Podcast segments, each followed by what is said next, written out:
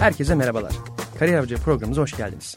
Bugün bizlerle Aslı Bayırbaşı, Bora Hanım hanımefendi bizlerle beraber olacak. Öncelikle Aslı Hanım değerli katılımınız için çok teşekkür ederim. Ben çok teşekkür ediyorum. Ee, herkese merhabalar. Burada olduğum için çok çok mutluyum. Ee, çok keyifli bir sohbet olsun. Keyifli bir sohbet olacağını şimdiden inanıyorum. Enerjiniz daim olsun. Ee, öncelikle neler yapıyorsunuz, nasıl gidiyor, her şey yolunda mı diyerek aslında başlamak istiyorum. Tabii ki. Ee, her şey çok yolunda, çok güzel gidiyor. Ee, çok koşturmalı. Bizim tarafta böyle koşturma hiç bitmiyor. Ee, yüksek bir tempo var. Ee, böyle herkesin geçmiş bayramını da kutlamış olayım. Evet. Bayram ertesi bir hafta. Ee, haliyle bir önceki hafta sıkışık olduğu için bu hafta biraz daha yoğun başladık ve geçireceğiz gibi görünüyor. Ee, ama keyifler yerinde çok şükür. Çok güzel aslanım. Bu şekilde olmasına çok sevindim. Ee, aslanım aslında bugün birçok konuyu konuşacağız. Bunlardan bir tanesi girişimcilik işte mezuniyet sonrası kariyer planlama, kariyer hayatını şekillendirmek gibi konuşacağız ama biz sizleri aslında MBT İnsan Kaynakları Danışmanı'nın kurusu olarak tanıyoruz. Hı hı. Onun kuruluşunun hikayesi çok merak ediyoruz. Aslında ben de kendimi genç bir girişimci olarak nitelendiriyorum. Burada sizlerden öğreneceğim, duyacağım birçok şey var. Hı hı. Ama tabii ki ben biraz aslında öğrencilik hayatınızı merak ediyorum. Nasıl bir öğrencilik hayatınız oldu? Ardından nasıl bir yol izlediniz? Biraz kendinizden bahsedebilir misiniz? Tabii ki bahsedeyim. Ee, şöyle ben Bahçeşehir Üniversitesi'nde Avrupa Birliği bölümünde lisans eğitimimi tamamladım. Ee, o zamanlar Avrupa Birliği gibi bir gündemimiz ve bakanlığımız vardı. Hatta staj yapma şansım da oldu. Ee, ama ben birazcık böyle e, aslında seçerek değil e, seçilerek yani puanın tutmasıyla aslında o bölümü seçmiş oldum e, ve üniversiteyi okudum gibi düşünebilirsin. E, haliyle üniversiteyi okurken de bölüme karşı böyle çok sempatim olduğunu söyleyemem. E, ama e, sivil toplum kuruluşlarında e, görev aldım. Gönüllü olarak birçok projede yer aldım ve aynı zamanda e, hani ofis tarafında biraz daha part time yarı zamanlı olarak çalışarak iş hayatına orada biraz başladım e, sivil toplum kuruluşlarında. Keza üniversite içerisinde de Bahçeşehir Üniversitesi'nin içerisinde de birçok projede yer aldım yine gönüllü olarak. E, aslında biraz böyle eğitimle birlikte iş hayatına da orada yavaştan atıldım. Ee, sonrasında mezun olduktan sonra da ben ne yapacağım şimdi ne olacağım diye düşündüm. Çünkü biraz böyle e, devlet memuru olmak çok karakterime uygun olmadığına karar verdim bir yandan. Çünkü yaptığım stajlar e, buna karar vermemde çok yardımcı oldu. Onu söyleyebilirim. E, bu yüzden stajlar gerçekten çok önemli. Çok önem veriyoruz ve tavsiye ediyoruz yapılmasını muhakkak. E, bu deneyimlerden sonrasında insan kaynakları alanında çalışmaya karar verdim mezun olduktan sonra ve biraz kariyerimi bu tarafa doğru yönlendirdim diyebilirim. E, böyle çok mu özet oldu bilmiyorum ama e, Aslanım gayet güzeldi, gayet güzel açıkladınız. E, benim de şöyle bir çıkarımım var aslında bu nokta. Ben de siyaset bilimi, kamu yönetimi öğrencisiyim. E, özellikle üniversiteye girerken bir kaymakam olma, devlet personeli olma, idari hakim olmak gibi aslında birçok hayal ve arzum vardı. Ama dediğiniz Hı-hı. gibi o üniversiteye girdiğiniz zaman özellikle çok güzel bir noktaya değindiniz. Gönüllülük, sivil toplum kuruluşlarına görev almanız, kendinizi geliştirmeniz aslında insanın tekrardan kendini keşfetmesine neden oluyor. E, bu da aslında güzel bir noktaydı. Teşekkür ederim. Kesinlikle. E, bunun dışında da e, yapmış olduğunuz kamu stajları da aslında kendinize ne kadar e, farklı bir şey olduğunuzu, kişilik hissettiğinizi gördünüz. Tabii ki bu da aslında kişisel gelişim ve kariyer planlamada güzel bir noktaya geliyor. Hı hı hı. Kesinlikle öyle. Ee, sen bahsederken şunun e, farkına vardım. Aslında biz mezun olmadan önce üniversiteyi okurken ve üniversiteye girerken e, tek amacımız iş bulmak ve o iş kavramı da etrafımızda duyduğumuz 3-5 tane belki 10 tane toplasan bir iki elin parmağını geçmeyecek kadar meslekten ibaret. İşte doktoru biliyoruz, evet. öğretmeni biliyoruz, devlet memuru olmak, yazılımcı olmak son zamanlarda, son yıllarda ama bunun haricinde aslında birçok meslek var. Ee, hiç duymadığımız, e, iş hayatına girdikten birkaç sene sonra bile tanıştığımız yeni meslekler var veya yeni doğan meslekler de olabiliyor aynı zamanda. Ee, bunun farkına varamıyoruz. Hani biz de hep böyle maaşımızı alabileceğimiz, garanti olabilecek, hayatımızı geçindirebilecek bir meslek olsun gibi bir algı var. Ee, aslında bu çok yanlış bir algı bence. Kesinlikle üniversite sırasında staj yaparak veya farklı projelerde, farklı kulüplerde, farklı gönüllülüklerde yer almak insanın aslında iş hayatına zaten hazırlıyor. Yani birçok yetkinlik açısından da hazırlıyor. E, bunların da biraz böyle farkında olmak e, ve biraz oralara yönelmek bence çok kıymetli. Çok haklısınız kesinlikle. Özellikle ben de şöyle bir anekdota eklemek isterim. Ee, çok büyük bir kaymakam olma hayalim ve arzum vardı. Hı-hı. Özellikle üniversite birinci sınıfta. İlk sene ben bir staj yaptım bir yerde. Hı-hı. Yaptığım stajda benim hayallerim ve arzularım o kadar farklıydı ki. Dedim hani Salimcan sen bu değilsin daha farklı olabilirsin. Çünkü gerçekten görünmeyen bir dünya var. Orada işte konuşacağız girişimcilik var, e, kişisel gelişim var, farklı iş kolları var, yeni meslekler doğuyor. Dedim Salimciğim biraz da aslında daha farklı olunabilir, daha farklı bakış açılarına sahip olabilirsin diyerek aslında kendimi naizane geliştirerek bir şeyler yapmaya çalışıyorum. Süpersin. Ee, Böyle... Bu noktada e, size öğrenecek şeylerimiz birçok şey var. Ben biraz aslında mezuniyet sonrasında merak ediyorum. Nasıl bir yolu istediniz, neler oldu, neler bitti diyerek. Tabii tabii ki. Şöyle e, mezun olduktan sonra biraz böyle e, yine biraz önce bahsettiğimiz gibi aslında mezun olunca bakanlığa girersin, mezun olunca KPSS'ye girersin gibi bir e, hem aile hem çevre tarafında bir baskı diyelim. Böyle ufak çapta bir baskı vardı. Ama ben de aynı senin gibi bunun benimle çok eşleşmediğini farkına vardım. Erken farkına vardım ve o yüzden kendimi şanslı hissediyorum bir yandan da. E, sonrasında da mezun olduğumda önümde birkaç tane yol vardı. Yani kendimi aslında mezun olduğumda çok mesleksiz hissettim bir yandan. E, çünkü Avrupa Birliği ilişkileri okumuşum. Avrupa Birliği ile olan ilişkilerimiz çok ortada, çok hani görünüyor bir yandan. E, bir yandan devlet memuru olmadığında Avrupa Birliği projelerinde tabii ki çalışabiliyorsun ama ben de proje tarafında çok yer almak istemiyorum e, gibi. E, sonrasında önümde iki tane e, yol vardı. Dedim ki yani ne olabilirim, ne yapabilirim ve orada aslında LinkedIn'le tanıştığım da bir evreydi. LinkedIn üzerinden e, her ne kadar tanışsam da bu kadar derin bir bilgiye sahip değildim tabii ki LinkedIn hakkında ama insan kaynakları veya satış üzerine iki e, alandan birinde ilerleyebileceğimi düşündüm. LinkedIn'de gördüğüm insanlardan dolayı. Ve bir de iş başvurularını biraz da insan kaynaklarına yapıyoruz ya bu nasıl bir meslek falan gibi böyle bir şey oluştu bende. E, sonra dedim ki insan kaynakları üzerine yöneleyim. E, çünkü yine kendini tanımak gerçekten çok önemli ve bunu yaptığınız stajlar ya da o projeler sana kendini tanıtıyor aslında. E, satışın bana göre çok olmadığını, e, belki insanlarla ilişki kurmak, sosyalleşmek, onlara dair detaylarla e, uğraşmanın bana daha çok hitap, hitap edeceğini düşündüm. E, ve insan kaynakları alanında ilerleyebilir miyim acaba diye LinkedIn üzerinden yine e, o gün hiç unutmuyorum 30 tane insan kaynakları profesyoneliyle iletişime geçtim yazılı olarak. Ve dedim ki iş istemedim bu arada. Dedim ki e, ben insan kaynakları alanına yönelmek istiyorum ama okuduğum bölüm çok ilgisiz bir bölüm. Bana ne önerirsiniz? Kendimi bu alanda nasıl geliştirebilirim? diye sadece bir soru sordum. Benimle görüntülü görüşen, telefonda görüşen, kitap öneren, CV'mi hazırlamama yardımcı olan, CV'mi dağıtmama yardımcı olan ve ilk iş deneyimim olan Peryon'de iş bulmamı sağlayan e, o 30 kişi oldu aslında. Benim maceram yani insan kaynakları alanındaki maceram böyle başladı diyebilirim. Aslanım şöyle bir şey var aslında siz dinlerken gerçekten çok özellikle dikkat ettiğim bir nokta vardı. Ee, bizler özellikle üniversite öğrenci yani bölümümüzü okurken şunu fark ediyoruz. Staj bulmakta zorlanan arkadaşlarımız da var. Ama tabii ki sizin burada aslında LinkedIn diye bir şeyin olduğunu araştırıp bulmanız ve aslında onu merak etmeniz, kariyer hayatına beraber bir aslında eklenti olarak bir birleştirmeniz ve ardından da aslında bir arayış içine girip bir sonuç bulmaya çalışmanız gerçekten bence çok büyük başarı. Teşekkür ee, ederim. Bu olan her zaman araştırmanız ruhunu, ruhunuzda daim olsun. Tebrik ederim. E, dediğiniz gibi aslında birçok yerde staj yapmış, yaptığınız kendinizi geliştiriyorsunuz. Burada da aslında size tavsiyenize ihtiyacımız var. Özellikle staj nasıl bulunur bir anahtar kelimeyle de e, tabii ki en büyük örnek istersiniz. Ama tabii ki başka tavsiyeniz varsa da dinlemek isteriz tabii ki. Hı hı, tabii ki. E, aslında şöyle toplumda yani bizim toplumumuzda özellikle staj yapmak için bile bir deneyim evet. bekleniyor.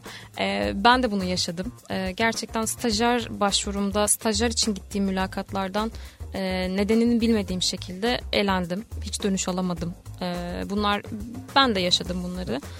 E, bu noktada şey çok önemli bence. Bu hem staj tarafında hem iş başvurusu yaparken e, araştırma kası dedik ya araştırma ve kendini geliştirme.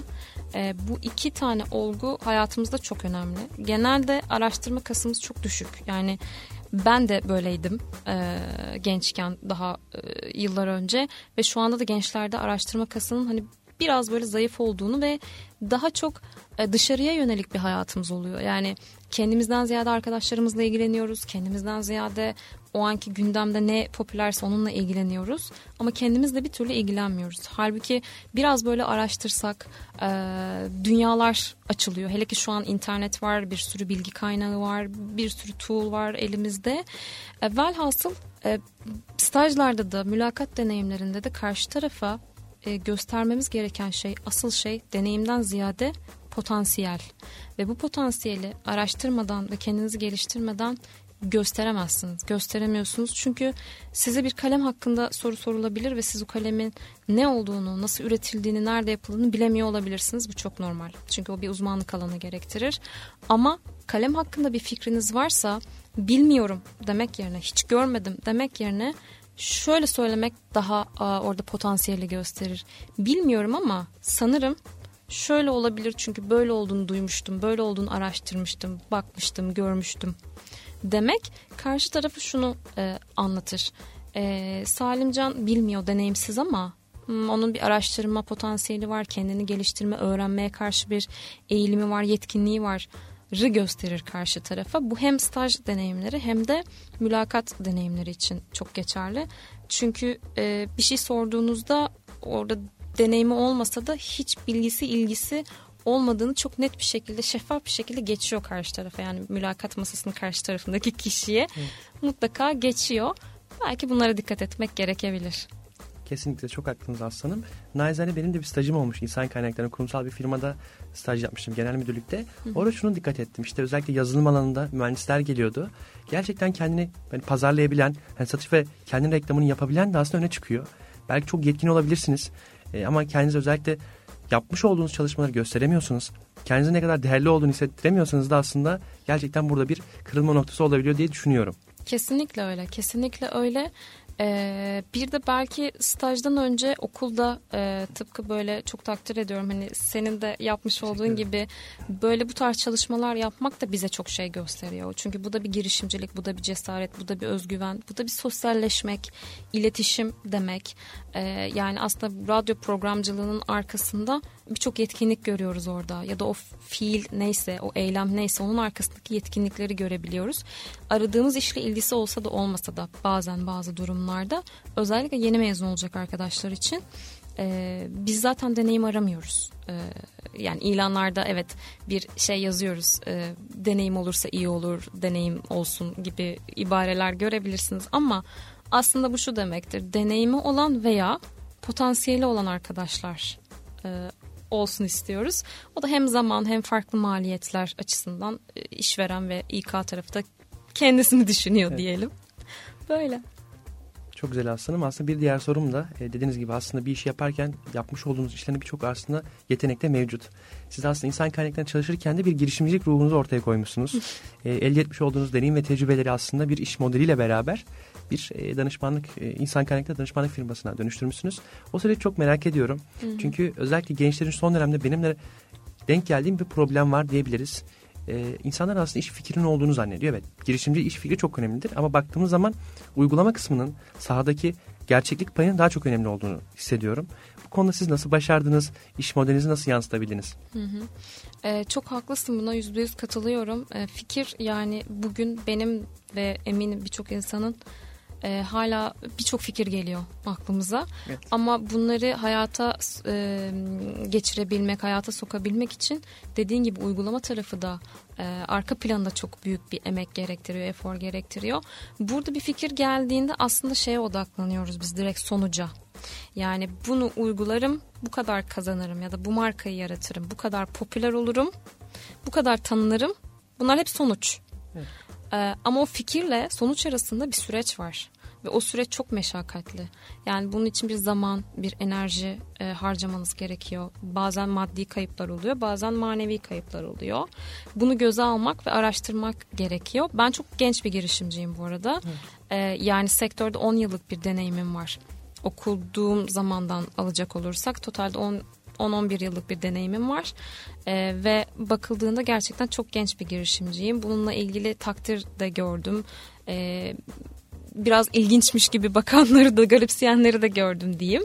Ee, ama günün sonunda buna karar verdiğinizde yine aynı yere geleceğim ama araştırma kasınızın yine çok kuvvetli olması gerekiyor. Çünkü tabii ki yüzde yüz e, göremiyoruz, öngöremiyoruz hiçbir şekilde. Mesela yarın uyandığımızda ülkede olan bir gündem veya ailemizde kendi kişisel hayatımızda olan bir gündemi asla öngöremeyiz. Fakat o iş, o fikirle ilgili araştırmak veya o fikri icra eden kişilerle iletişime geçmek. Ben bugün hala e, dünyanın öbür ucunda hiç tanımadığım insanlarla farklı platformlar üzerinden iletişime geçip insan kaynakları nasıl yürüttüklerine dair know-how toplamaya çalışıyorum.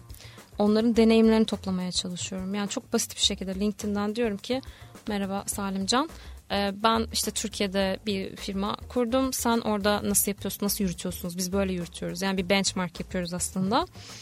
E, o yüzden mutlaka fikirleri tutsunlar. yani yazsınlar, projeye döksünler. Ama muhakkak arka plandaki o süreçleri, detayları da e, incelesinler. E, bir yol haritası. E, riskler neler, e, fırsatlar neler, SWOT analizi belki de yapmaları çok çok iyi olur. Kesinlikle aslanım. E, son dönemlerde sizleri aslında üniversitelerde görmeye başladık. Başlayacağız daha doğrusu ilerleyen zamanlarda. Aslında şunu da fark ettim. E, vermiş olduğunuz bilgi birikimini insanlara aktarmayı seviyorsunuz. Çok, çok kıymetli bir şey. evet çok seviyorum çünkü e, burada böyle hemen yeri gelmişken sözünü keseceğim. Ben e, öğrenciyken e, hiç böyle bir mentor dediğimiz kavram hiç yoktu. Yani rehber, kılavuz, mentor olabilecek ne bir e, aile büyüğü, ne bir öğretmen, ne bir hoca, e, ne de bir arkadaş olmadığı için LinkedIn'de bile ben kuzenimden e, öğrenmiştim ve o zaman kuzenim de LinkedIn'i Facebook gibi bir yer sanarak açıyor. LinkedIn diye böyle sohbet arasında geçiyor. Ben de neymiş bu LinkedIn diyerek karşılaştım bir mecraydı. Yani kimse bak buradan iş alabilirsin, iş bulabilirsin, arayabilirsin gibi bir yönlendirme e, yapmamıştım. Muzdarip olduğum bir konu.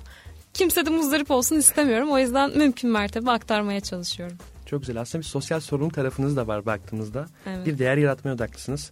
Bu da çok kıymetli olmalı. E, ama baktığımız zaman aynı zamanda işiniz var, sosyal hayatınız var kişisel motivasyonunuzu çok merak ediyorum. e, benim için çok önemli çünkü baktığımızda e, insanların kişisel motivasyonunuzu koruması çok zor. Hayat hmm. şartları olsun, yaşam standartları olsun. Bunları her yerde sayabiliriz ama ne olursa olsun sizlerin güler yüzünüz, yapmış olduğunuz işlerdeki motivasyonunuz e, kaynağı nedir? Bunu nasıl tanımlıyorsunuz? Ee, güzel soru. Aslında ben de sen sorarken şeyi düşündüm. Ben hiçbir soruyu kendime sordum mu diye düşündüm. Bunun da bir fırsatı oldu. Teşekkür ediyorum bu soru için. Yani şöyle aslında e, sanırım kişinin kendini kendine odaklanması başlı başına bir motivasyon olabilir. Çünkü genellikle biz e, çevremize odaklıyız. Çünkü en kolayı bu. İnsanın kendisiyle uğraşması kadar hiçbir şey zor değil bence. E, çünkü bugün benim e, ailemle, arkadaşlarımla veya komşuyla uğraşmam çok çok kolay ama kendime yatırım yapmam ve kendimle uğraşmam çok daha maliyetli ve yorucu bir süreç. Haliyle sanırım e, ben burada biraz kendimden alıyorum. Yani kendimi güçlendirdikçe, geliştirdikçe e, motivasyonum da yükseliyor. E, bir belki bu olabilir diye düşünüyorum. Bir de e, böyle çok şey olacak. Yengeç burcu değilim ama ailem sanırım. Çünkü hani eşimi ve annemi çok seviyorum. Böyle çok düşkünüm ve mesela onlardan gerçekten e, motivasyon destek alıyorum ve onların hem böyle sevgisi hem desteği beni ayrıca motive ediyor. Hani bir de böyle bir e, motivasyon kaynağım var sanırım. Ee, belki bir üçüncüsü de çok kısa değer yaratmak yani birisine fayda sağlamak sivil toplum kuruluşu tarafında edindiğim deneyimlerden beri gelen bir şey. Ee, bir motivasyon da yaptığım, ürettiğim o fikrin ya da projenin değere dönüşmesi, faydaya dönüşmesi. Sanırım bu üçü, e, üçünün harmanı beni motive ediyor diyebilirim. Çok güzel. Aslında son dönemlerde gerçekten sosyal sorumluluğun gücünü görebiliyoruz e, insanı değerli hissettiriyor, güzel hissettiriyor. Kesinlikle. E, son dönemlerde baktığımız zaman birçok olaylar yaşadık ama ne olursa olsun o sosyal sorumluluk bilinci işte aile olabilme, millet olabilme, birey olabilme gibi de, güzel de, kavramlarla beraber aslında kişisel olarak, bireysel olarak da motivasyonumuzu sağlıyoruz. Tabii ki keşke bunlar olmasa ama ne olursa olsun o olaylara karşısında krizi yönetebilmek, bir insan olduğumuzu hatırlayabilmek de aslında çok güzel bir duygudur. Kesinlikle öyle. Keşke dediğin gibi bunlara e, ya bunları yaşamasak ama gerçekten oradaki dayanışmaya, birliğe, desteğe, sevgiye e, bunlara gerçekten çok ihtiyacımız var. Hem bireysel olarak hem toplumsal olarak e, gerçekten çok ihtiyaç duyduğumuz ve bizi besleyen şeyler. E, ama farklı stresler, farklı böyle hayat gayesi dediğimiz o klasik kavramla birlikte çok ihmal ettiğimiz bir taraf aynı zamanda. Ona kesinlikle katılıyorum. Çok güzel aslanım. Bundan sonraki sorularımda aslında biraz daha sizin gelecek planınızı merak ediyoruz. E, MBT diye bir gerçek var. Yapmış hı hı. olduğunuz değerli çalışmalar var. E, biraz hem kendinizden hem de MBT'nin geleceğinden bahsedebilir misiniz? Hı hı, tabii ki. E, şöyle ben aslında bir buçuk yıl önce kurdum e, MBT Consulting'i ve burada insan kaynakları alanında danışmanlık veriyoruz tamamen. E, Türkiye'de bunu yapan ilk e, danışmanlık firmasıyız diyebilirim. Bunu dediğim şey de şu. Aslında e, sektöre baktığınız zaman işe alım tarafında seçme yerleştirme, headhunting dediğimiz e, o LinkedIn üzerinden teklif açık mısınız diye yazan e, danışmanlık firmaları var. E, bir diğer konu eğitim tarafında da kurumsal eğitimler, e, stres yönetimi, zaman yönetimi gibi kurum içerisinde çalışanlara verilen eğitimleri veren eğitim danışmanlık firmaları var. E, ama MBT sektördeki diğer danışmanlık firmalarından çok daha farklı ilerliyor. Nasıl? Şöyle ki e, sosyal sorumluluk projelerimiz var. Üniversitelerle çalışıyoruz. E, aslında gönüllülük üzerinden çalışıyoruz diyebilirim. Bunun yanı sıra yine orada da sivil toplum kuruluşlarıyla çalışıyoruz. E, şu an böyle hani gizlilik sebebiyle isim veremeyeceğim ama e, sosyal sorumluluk anlamında onların çözüm ortaklığını üstleniyoruz. E, bunun yanı sıra işe alım tarafında yine headhunting firması olarak ilerliyoruz. Ve eğitim tarafında yine aynı şekilde hem eğitim hem seçme yerleştirme hizmeti veriyoruz.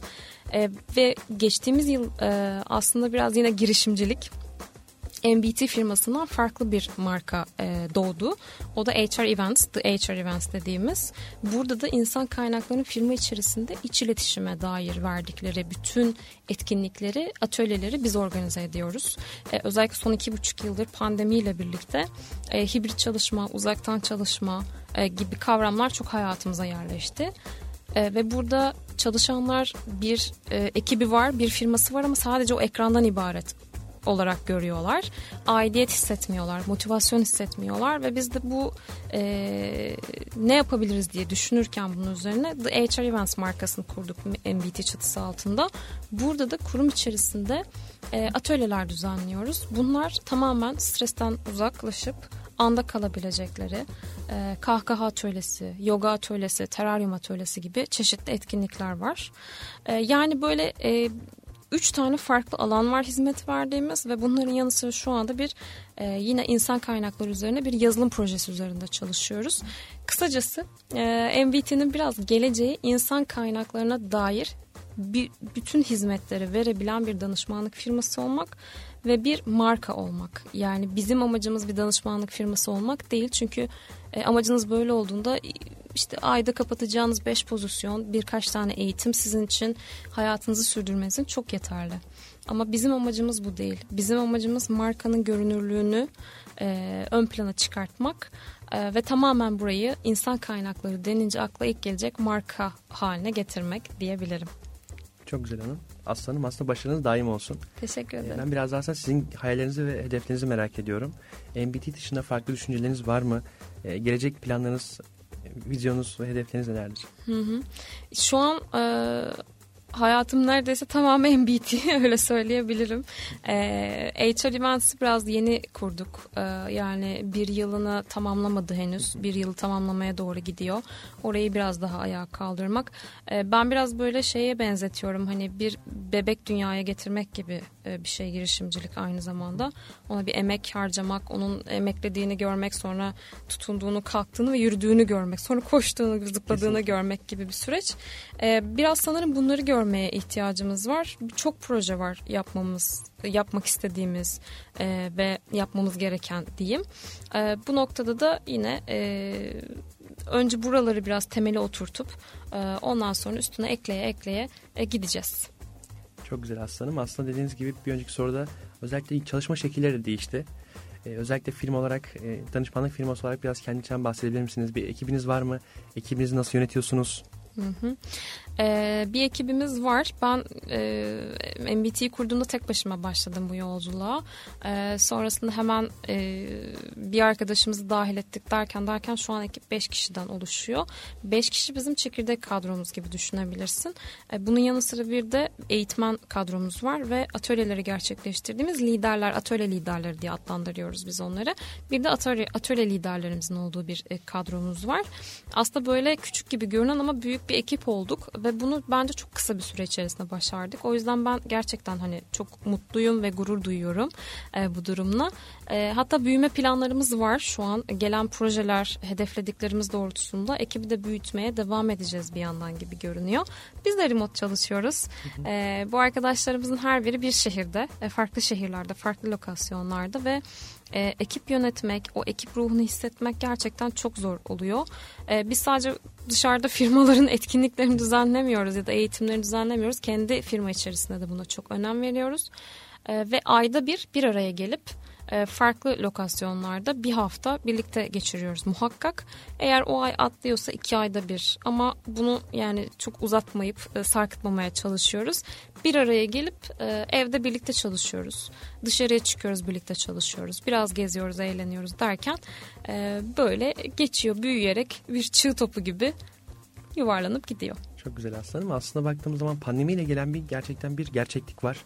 İnsanlar da ben de aslında evden çalışmak istiyoruz. Hı hı. Tabii ki aslında bunun artıları da var, eksileri de var ama insanlar mutlu olarak en azından ifade ettiklerini görüyorum. E, sizce bu çalışma şekilleriyle beraber iş dünyasında nasıl gelişmeler olacak? Hı hı. Bizi son dönemde neler bekliyor? Özellikle yeni mezun adaylar ya da mezun olacaklar kendini bu yönde nasıl eğitebilir ve geliştirebilirler sizce? Hı hı. Ee, pandemiyle birlikte hayatımız çok karıştı o bir gerçek. Ee, çok uzun süre evden çalışmaya odaklandık. Şimdi belli bir süre e, kısa bir süre önce firmalar e, ofise dönmeye başladılar. Sonra deprem gerçeği olduktan sonra tekrar yüzleştik e, ve şehir dışına gitmek isteyen çalışanlar olmasıyla birlikte tekrar firmalar hibrite veya remote'a döndü gibi gibi. Şu anda şöyle dünyada şöyle bir gerçeklik var e, artık insanların birden fazla firmayla çalıştıkları, biraz daha böyle freelance modele doğru gittikleri bir dünya geliyor. Onu söyleyebilirim. Yani artık biz de bunu adaylarla mülakat yaparken duymaya başladık ufaktan. E, ve bu artarak devam edecek öngördüğüm. Diyor ki yani ben işimde yetkin bir insanım ve e, bu bilgiyi, bu deneyimi aynı anda birden fazla firmaya evde oturarak vermek istiyorum. Mesela ben DevOps Engineer'ım. Örnek veriyorum tamamen.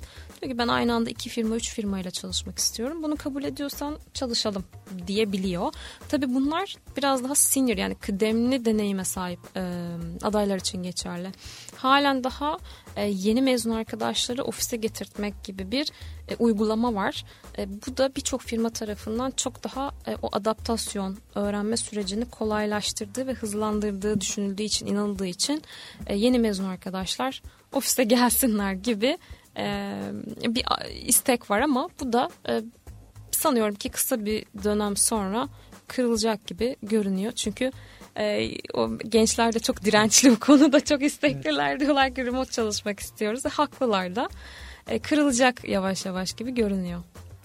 Çok güzel aslanım. Baktığımız zaman bir diğer önemli kelime de aslında kişisel markalaşma terimi. E, Birçok evet. kişi aslında proje bazlı freelance çalışıyor. E, burada aslında biraz da o çalışma modelini nasıl ayak uydurabilirler? Tabii ki bunun kariyer planlamayla da alakası var. Hı hı. Çünkü baktığımız zaman bu çalışma şeklini benimsemek kolay değil. Hı hı. Özellikle güzel bir reklamınız, markalaşma değer kavramı için bir kimliğiniz olması gerekiyor. Bu kimlik hı hı. nasıl, nasıl oluşturul oluşturulabilir? Bu konuda öneriniz nelerdir? Hı hı. Şöyle e, yani bu tabiri caizse bu resti çekebilmek için evet. hani e, ben işte aynı anda birkaç firmaya birden çalışırım freelance olabilmek için aslında yine e, buradaki meyveyi yiyebilmek için cefayı muhakkak çekmek gerekiyor. E, onu söylemeden geçemeyeceğim. Çünkü e, kendinize kendinize yatırım yapmak çok çok önemli bu noktada. Ee, ancak kendinizi geliştirip orada vazgeçilmez bir deneyime sahip olduğunuzda ya da kilit bir deneyime sahip olduğunuzda e, böyle kartları koyup masaya oynayabiliyorsunuz karşı tarafla. E, o çok önemli oluyor. Bir de network. Network çok önemli. E, bugün bir freelance iş yapmak istediğinizde e, veya o kendi kişisel markanızı oluşturmak istediğinizde e, en güçlü silahınız network oluyor. Network'te zamana bağlı. Yani e, şurada 10 gün dolaşayım ve işte şu kadar network edineyim gibi bir şey değil bu. Etkileşime geçtikçe e, o deneyim farklı firmalar, farklı etkinlikler, farklı projelerde yer aldıkça network ağınız genişliyor. E, haliyle hem böyle biraz deneyim ve öğrenim kazanım diyelim ona. Hem kazanım hem de network'ü güçlendirdikten sonra freelance olmak, e, işte evden çalışmak bunların yolları tamamen açılıyor. Kesinlikle. Aslında bir diğer sorumuz girişimcilik üzerine olacak. E, son dönemde girişimcilikte yeni internetler doğmaya başladı. Hı hı. Özellikle siz bu girişimcilik alanında gençler için ne tür tavsiyeler, fırsatlar görüyorsunuz? Hı hı. Gençler nasıl odaklanmalı? Çünkü çok geniş bir yelpaze. Tabii. Özellikle son dönemlerde oyunla ilgili ya da mobil application'larla ilgili biraz e, bir trend var ama evet. tabii ki farklı geleceklerde doğacaktır. E, bunları nasıl değerlendiriyorsunuz, nasıl düşünüyorsunuz bunlar hakkında? Ee, şöyle aslında hani buradaki girişimcilikte e, kesinlikle önü arkası muhakkak çok e, araştırılmalı, sorulmalı. Muhakkak bu çok önemli. Tekrar altını çizmiş olacağım buradaki kasın. E, bunun yanı sıra şu anda dünya e, pandemiyle birlikte böyle biraz e-ticaret tarafı, teknoloji pozisyonları çok revaçta. E, revaçtaydı onu söyleyeyim. Çok popüler olmuştu evet. vesaire. Sonra e, birçok böyle kamp adı altında e, öğrenci veya yeni mezunları yine teknoloji rollerine, e, sektöre e, sun, bulmuş olduk bu kamplarla. Onları eğittik, öğrettik ve dedik ki sen artık yazılımcı olmaya çok iyi bir adaysın dedik ve e, sektöre girdiler.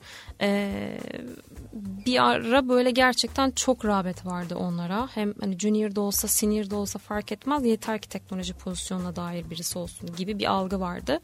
Bu bu yıl içerisinde son bir yıldır kırıldı tamamen ve teknoloji rolleri e, bazı roller özellikle ve e-ticaret alanı gibi bazı teknoloji alanları o popülerliğini kaybetti. Şu anda senin de söylediğin gibi oyun alanı çok e, zirveye doğru gidiyor ve metaverse dediğimiz alan yani e, burada artırılmış gerçeklik, yapay zeka tarafı yine keza aynı şekilde bu üç tane alan e, zirveye doğru giden e, alanlardan. O yüzden böyle hani girişimcilikle ilgili bir fikir veya aksiyon almak isteyen arkadaşlar bu üç tane alanı değerlendirebilirler o kadar çok yapacak, e, yapılabilecek e, proje fikir var ki gerçekten hani aslında düşünecek olursanız kumla ama onu düşünmek için bile dünyaya açılmanız lazım. Dünyaya açılmak artık o kadar masraflı evet. ve uğraşlı bir şey değil. Oturduğumuz yerden açılabiliyoruz. Ee, o yüzden e, bu üç alana gidilebilir ee, diyebilirim. Aslanım aslında baktığımız zaman network'ü de daha demin kullanmıştık. Ee, özellikle girişimcinin en büyük kaynağı diyebilirim bence network. Çünkü baktığımız zaman iş modelimiz oluyor ama özellikle yatırımcı kısmında sıkıntılar yaşayabiliyoruz. Ya da özellikle uygulama kısmında birçok problemler yaşayabiliyoruz ama günün sonunda bireysel markalaşmayla sağlanan o network kavramını faydalanabilirse gerçekten iş modeli daha çok büyüyebiliyor. Özellikle network çok önem verdiğim ve gerçekten doğru adımlarla stratejinin ilerlenip gerçekten gerçekleştirilmesi gerektiğini düşünüyorum. Özellikle sizin için network nasıl bir yapılabilir? Hani tabii ki bunun kesin net bir tanımı yoktur. Birçok basamakları vardır. Çünkü ilişkiler uzun ve kısa dönemli olarak ayrılıyor bence. Hı hı. Bu kontroller nasıl sağlanmalı? Çünkü baktığımız zaman işte bireysel motivasyon, e, markalaşmak, kişisel gelişim ve aslında network oluşturma kavramları bir üçgen içerisinde değerlendirebiliriz. Ama burada sizin düşünceniz nelerdir? Bir insan kaynakları olarak hı hı. özellikle danışman firması kurucusu olarak nasıl değerlendiriyorsunuz? Hı hı. E, network çok kıymetli bir şey. Gerçekten çok çok önemli bir şey. E, bunu yine böyle LinkedIn kullanan kullanıcılar gibi düşünebilirsiniz. Metaforlaştırmak gerekirse bunu yine bu platform üzerinden. Nasıl böyle bağlantı ekliyoruz işte bağlantı atıyoruz ve network çok genişiyor oradaki ağ. E, yine aynı şekilde aslında gerçek hayatta da e, sosyalleşmek ve kendini dünyaya açmakla ilgili. Yani bu üniversitedeyken başlayabilir etkinliklere katılmak olabilir, e, konferanslara katılmak olabilir. Bireysel olarak değil de yanda oturan arkadaşla konuşmak ve tanışmak olabilir. Bu da bir networktür. Çünkü sizinle birlikte yan koltukta oturan arkadaşınız da mezun olacak. O da farklı bir firmaya gidecek. Bu sizin network'ünüz olacak. Burada network için bence en azından benim bakış açım şu oldu bugüne kadar nacizane tavsiye olabilir. Ben insanlara böyle fayda hani network olsun diye değil gerçekten böyle ben ona hani ne verebilirim ne katkı sağlayabilirim o bana ne katkı sağlayabilir veya hiç fayda sağlamaya da bilir. Sadece tanışmış oluruz. Yani biraz böyle şey gibi e, o tohumu atmak e, ve onun fidan gibi böyle çıkmasını beklemek, yeşermesini beklemek gibi bir şey network. E, şu, şu an hemen bana ne sağlayabilir ya da ben ona ne sağlayabilirim değil. Ya da şurada Ahmet amcam evet. var, burada e, Ayşe ablam var ya o yapar gibi bir şey de değil network. Tamamen insanlarla tanışmak, tanışacağınız alanlara girmek, sosyalleşmek, tanıştığınız insanlarla da bağı kopartmamak. Ee, tabii ki böyle arkadaş olur seviyede değil ama ara ara e, muhakkak iletişimde kalmak, hal hatır sormak, özel gün kutlamak, terfi kutlamak gibi e, sürdürülebilir olması gerekiyor diye düşünüyorum. Çok haklısınız. Şöyle bir nokta ben de eklemek istiyorum. Özellikle kulüp başkanlığı yaptığım dönemde hı hı. aslında birçok firmayla isimli aslında iletişim halinde oluyorsunuz. Ama zaman içerisinde tabii ki sizlerin hayatları değişiyor da karşındaki kişinin hayatları değişebiliyor. İletişiminiz kopabiliyor. Tabii. Ama dediğiniz gibi o özel günler olsun, işte doğum günleri olsun, kişilerin kaydettiğimiz zaman da aslında sadece işin değil sosyal hayatta da bir motivasyon ve fark, farkındalık yaratabiliyor. Hı hı. Bence bunlara dikkat edilmesi gerekir. Dediğiniz gibi aslında LinkedIn'de görüyoruz işte terfi gelmiş. Kutlayalım bir beğeni atalım ya da tebrik edelim. Bunlar güzel şeyler. Hı hı. İlişkiler aslında uzun dönemli olursa daha kıymetli olur. Kesinlikle. Kesinlikle öyle. Ee, bu gerçekten çok kıymetli. Yani o anda karşı tarafa böyle e, network edinmek için sadece o fiili gerçekleştirmek için değil de Salimcan kimdir? Ee, yani hayatımda bir yerde durabilir. Zaman zaman benimle o iletişime geçebilir ya da ben onunla iletişime geçebilirim. Ee, bu bir soru sormak da olabilir. Yani bugün e, günün sonunda bazı adaylarla o kadar güzel mülakatlar yapıyoruz ki sadece iş odaklı değil yani sohbet eder gibi görüşmeler yapıyoruz. Ee, bir gün arıyorlar ve işte eşinin dostunun CV'sini atmak veya kendi CV'sinde şunu nasıl yapabilirim diye sadece bir soru sormak için arayabiliyorlar. Örnek veriyorum tamamen. Bu şu demek o sizin artık network'ünüzde siz de onun network'ündesiniz. Benim de o gün o adayın uzmanlık alanı ile ilgili bir sorun veya ihtiyacım olsa ben de onu arayabilirim. Ama bizi buluşturan şey bir mülakattı. Sadece bir mülakat yaptığım bir adaydı. Örnek veriyorum. Ee, biraz böyle hani onu network'e çevirmek e, ama bunu biraz samimiyetle yapmak, e, uzun vadeli bir yatırım olduğunu bilmek bence çok önemli. Kesinlikle. Aslında biz gençler bu konuda kendimi biraz eleştiriyorum. Çünkü baktığımız zaman tabii ki yaşımız gereği yani biraz tecrübesizliğimizden bence e, burada hızlı sonuç almak isteyebiliyoruz. Hı hı. Özellikle işte bir staja gireceğimiz zaman, birisiyle tanıştığımız zaman onu hı hı. tabii ki işte ne olduğu gibi aslında dediğiniz gibi hayat maalesef öyle değil. E, yani biraz daha uzun dönemli, biraz daha aslında yavaş, sakin ve deneyimli olgun bir şekilde bence da bekleyerek sonuç alabilmek de tabii ki zor da olsa e, bence yapılması gerekiyor olduğunu düşünüyorum aslında. Sabırsızız bazen. e, çok normal, çok doğal ama evet yani e, bugün bazen e, yıllar önce tanıştığım biriyle iş yapabiliyorum. E, oradaki o network öyle bir şey ki o sizden memnun kaldığında sizinle iletişim veya sizden aldığı hizmet olabilir. Bu her neyse. E, sizi bir arkadaşına önerebiliyor ya da sizi bir arkadaşıyla tanıştırabiliyor oradan farklı bir kapı doğuyor. Yani e, ben mesela Salim Can'la sadece tanışıyorum ama çok diyaloğum yok. Ama onun bir arkadaşıyla beni tanıştırıyor bir konu için. E, bir bakıyorum o da benim network ağıma girmiş ve ben çok etkileşimde olabiliyorum o kişi için. Yani orada hani e, gerçekten hangi kapı hangi kapıyı açacak belli olmaz derler ya. Bu network'te kesinlikle öyle bir şey. Ama kesinlikle uzun uzun vadeli bir şey. Bunu böyle bir içselleştirmek gerekiyor. Kesinlikle aslanım. E, bugün baktığımızda benim çok güzel bir keyifli sohbet oldu. Özellikle özel çıkarımlar elde ettim. Hı hı. E, baktığımız zaman işte mezuniyet öncesi, mezuniyet sonrası girişimcilik, kişisel gelişim, işte freelance çalışma, e, en önemlisi aslında network vurgulamak isterim ama hı hı. bu birçok konuşmuş olduğumuz şeyden aslında sözü bırakmak istiyorum. Hı hı. Bizi dinleyen genç dinleyicilerimize neler önerirsiniz, neler aktarmak istersiniz diyerek aslında son sorumu da sizlere sormuş oluyorum. Tamam çok teşekkür ederim. Benim için de çok çok keyifli bir sohbetti. Sanırım e, tekrar şeyin altını çizeceğim. Yani e, dünya ayaklarınızın altında. E, bunu unutmamak gerekiyor. E, gerçekten artık bir vizeye, e, bir uçak biletine ihtiyacınız yok bazı şeyleri görmek için ya da e, öğrenmek için. E, bunu oturduğumuz yerden de yapabiliyoruz. İlla bir bilgisayar bile gerekmiyor. Telefon küçük bir ekrandan da yapabiliyoruz. Ama orada kendine yönelmek, kendine yatırım yapmak, sosyallikle birlikte bireyselliği de aslında dengede tutmak çok kıymetli. Çünkü e, girişimcilik dediğimiz, yatırım dediğimiz, network dediğimiz şey bunlar dış dünyaya açıldığınız sürece alabildiğiniz veya size gelen şeyler. E, asıl orada şey aksiyonu almak, o adımı atmak bence çok kıymetli. Kendini kendine yatırım yapmak ve kendini dışarıya açmak. E, bunu yaptığınız anda gerisi zaten geliyor. E, o yüzden böyle hayatın zor olduğunun farkındayım. Öğrencilik yılları zor, mezuniyet ayrı zor. E, hepimizin özel stresleri oluyor, zor durumlar oluyor. Çok farkındayım ve çok haklı, haklıyız bence bunu yaşamakta.